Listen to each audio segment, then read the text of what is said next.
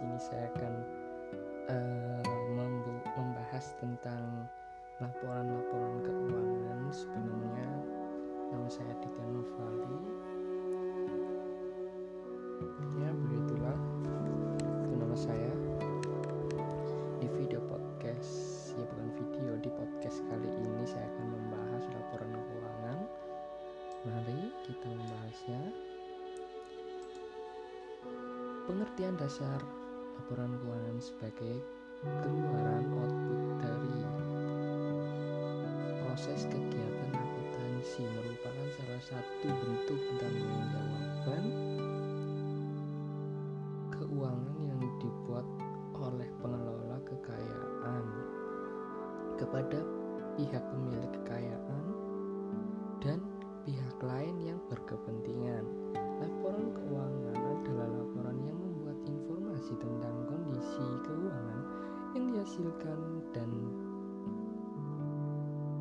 kondisi keuangan dan hasil yang diperoleh perusahaan dalam suatu periode tertentu.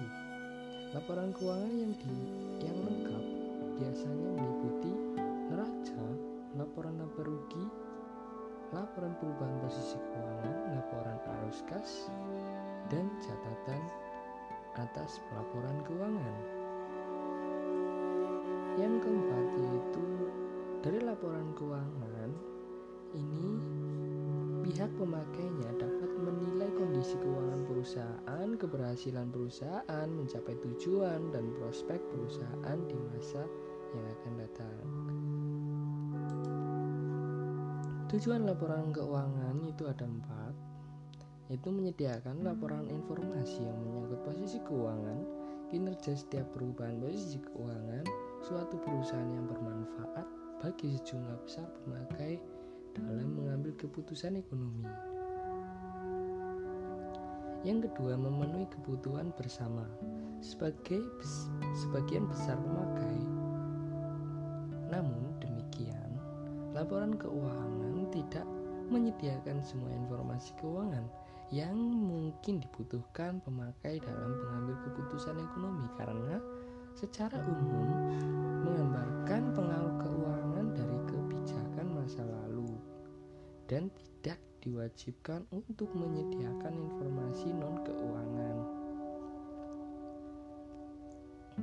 Yang ketiga yaitu menunjukkan apa yang telah dilakukan manajemen atau bertanggung jawab manajemen atau steward. Stewardship. Atas sumber daya yang dipercayakan kepadanya. Memberikan pengungkapan mengenai informasi lain yang berkaitan dengan laporan keuangan. Misalnya informasi mengenai kebijakan akuntansi yang diatur perusahaan seperti penentuan metode depresiasi dan penilaian Penyusunan laporan keuangan harus bersifat umum dan tidak memihak atau general purpose statement. Laporan yang kedua, laporan keuangan yang disajikan harus menggambarkan kondisi keuangan yang sebenarnya atau window dressing. Yang ketiga, penyusunan laporan keuangan harus berpedoman pada prinsip-prinsip akuntansi yang diterima umum. General Accept Accounting Principles. Yang keempat, standar akuntansi keuangan sebagai pedoman bagi penyusun, pemakai, dan pemeriksa atau auditor. Standar akuntansi keuangan pedoman umum untuk menyusun laporan keuangan di Indonesia yaitu ada enam. Yang pertama, prinsip akuntansi Indonesia tahun 1973. Prinsip akuntansi yang kedua, prinsip akuntansi Indonesia 1984. Yang ketiga, standar akuntansi keuangan atau disingkat dengan SAK per 31 Oktober 1994. Yang keempat, Standar Akuntansi Keuangan atau disingkat SAK per 1 April 2002 yang berisi 58 buah pernyataan standar akuntansi keuangan dan 4 buah interpretasi pernyataan standar akuntansi keuangan atau disingkat dengan IPSAK. Standar akuntansi keuangan atau SAK 2008. International Financial Reporting Standard atau IFRS dan entitas tanpa akuntabilitas publik atau singkat dengan ETAP yang berlaku mulai 2012. Laporan keuangan itu menghasilkan 5 laporan keuangan. Yang pertama balance sheet atau yang disebut dengan neraca. Yang kedua income statement atau laba rugi. Yang ketiga retained earning statement atau laporan saldo laba untuk PT ini. Terus yang keempat adalah statement of cash flow atau laporan arus kas. Yang kelima, catatan atas laporan keuangan. Kita bahas yang pertama, balance sheet atau neraca, sebuah daftar yang mencakup aset, liabilities, and stockholder equity pada tanggal tertentu. Biasanya akhir tahun buku. Yang kedua, income statement atau laba rugi.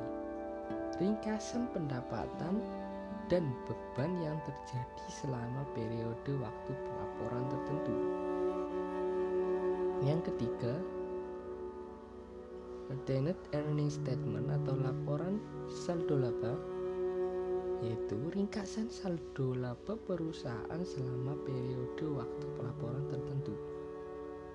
Adapun capital statement atau laporan perubahan ekuitas untuk perusahaan perseorangan itu laporan yang membuat perusahaan modal atau ekuitas selama periode tertentu. Statement of cash flow atau laporan arus kas. Sebuah ringkasan penerimaan dan pengeluaran kas selama periode waktu pelaporan tertentu. Ya, itu adalah laporan keuangan. Oke, kita bahas neraca. Neraca atau aktiva lancar yang termasuk aktiva lancar. Neraca ini ada dua sebenarnya yaitu aktiva lancar atau current asset dan investasi jangka panjang long long term investment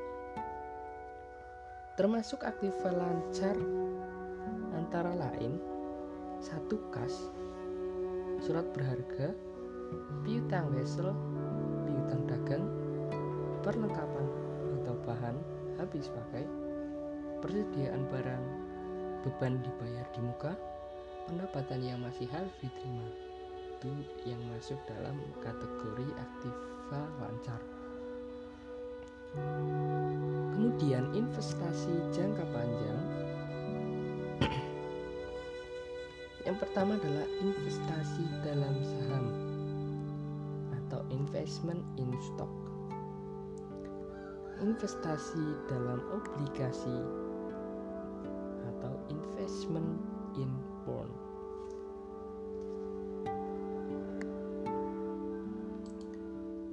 Kemudian ini masih membahas seputar neraca. Ada juga aktiva tetap berwujud yang termasuk aktiva tetap berwujud antara lain peralatan, mesin, tanah, gedung, penggolongan-penggolongan. Selanjutnya, aktiva tetap tak berwujud.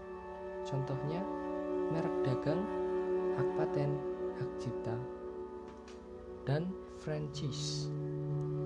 Aktiva lain-lain atau other asset termasuk aktiva lain antara lain bangunan dalam proses penyelesaian, klaim pada perusahaan asuransi, terus yang termasuk neraca lagi itu ada utang atau kewajiban atau liabilities, utang lancar, current liabilities yang yaitu ada tiga. Wesel bayar atau utang wesel atau dalam bahasa latinnya notus payable utang dagang atau account payable pendapatan diterima di muka atau different revenue. Renew. Misalnya sewa diterima di muka kemudian beban yang masih harus dibayar atau account accrued expense misalnya utang gaji utang pajak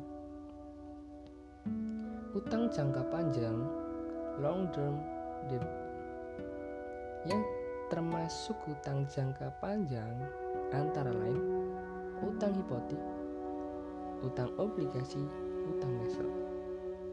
Utang lain-lain other liabilities yang termasuk utang lain-lain antara lain adalah utang generasi, utang garansi, sorry, utang garansi, utang lain-lain. Masih seputar neraca, panjang banget ya. Modal atau capital owner equity perusahaan persa perusahaan perseorangan itu modal Tuan Arif misalkan atau Prive Tuan Arif firma atau CV modal Tuan Arif kemudian privat Tuan Arif modal Tuan Gemilang misalkan privat Tuan Gemilang perseroan ter, perseroan terbatas. Modal saham Agio Disagio laba ditahan cadangan modal donasi. Modal penilaian kembali koperasi. Pada akun modal untuk perusahaan koperasi akan dijumpai akun sebagai berikut. Simpanan pokok, simpanan wajib, cadangan, modal donasi, SHU yang belum dibagi. Ya begitulah pembahasan kali ini saya cukup. Terima kasih. Wassalamualaikum warahmatullahi wabarakatuh.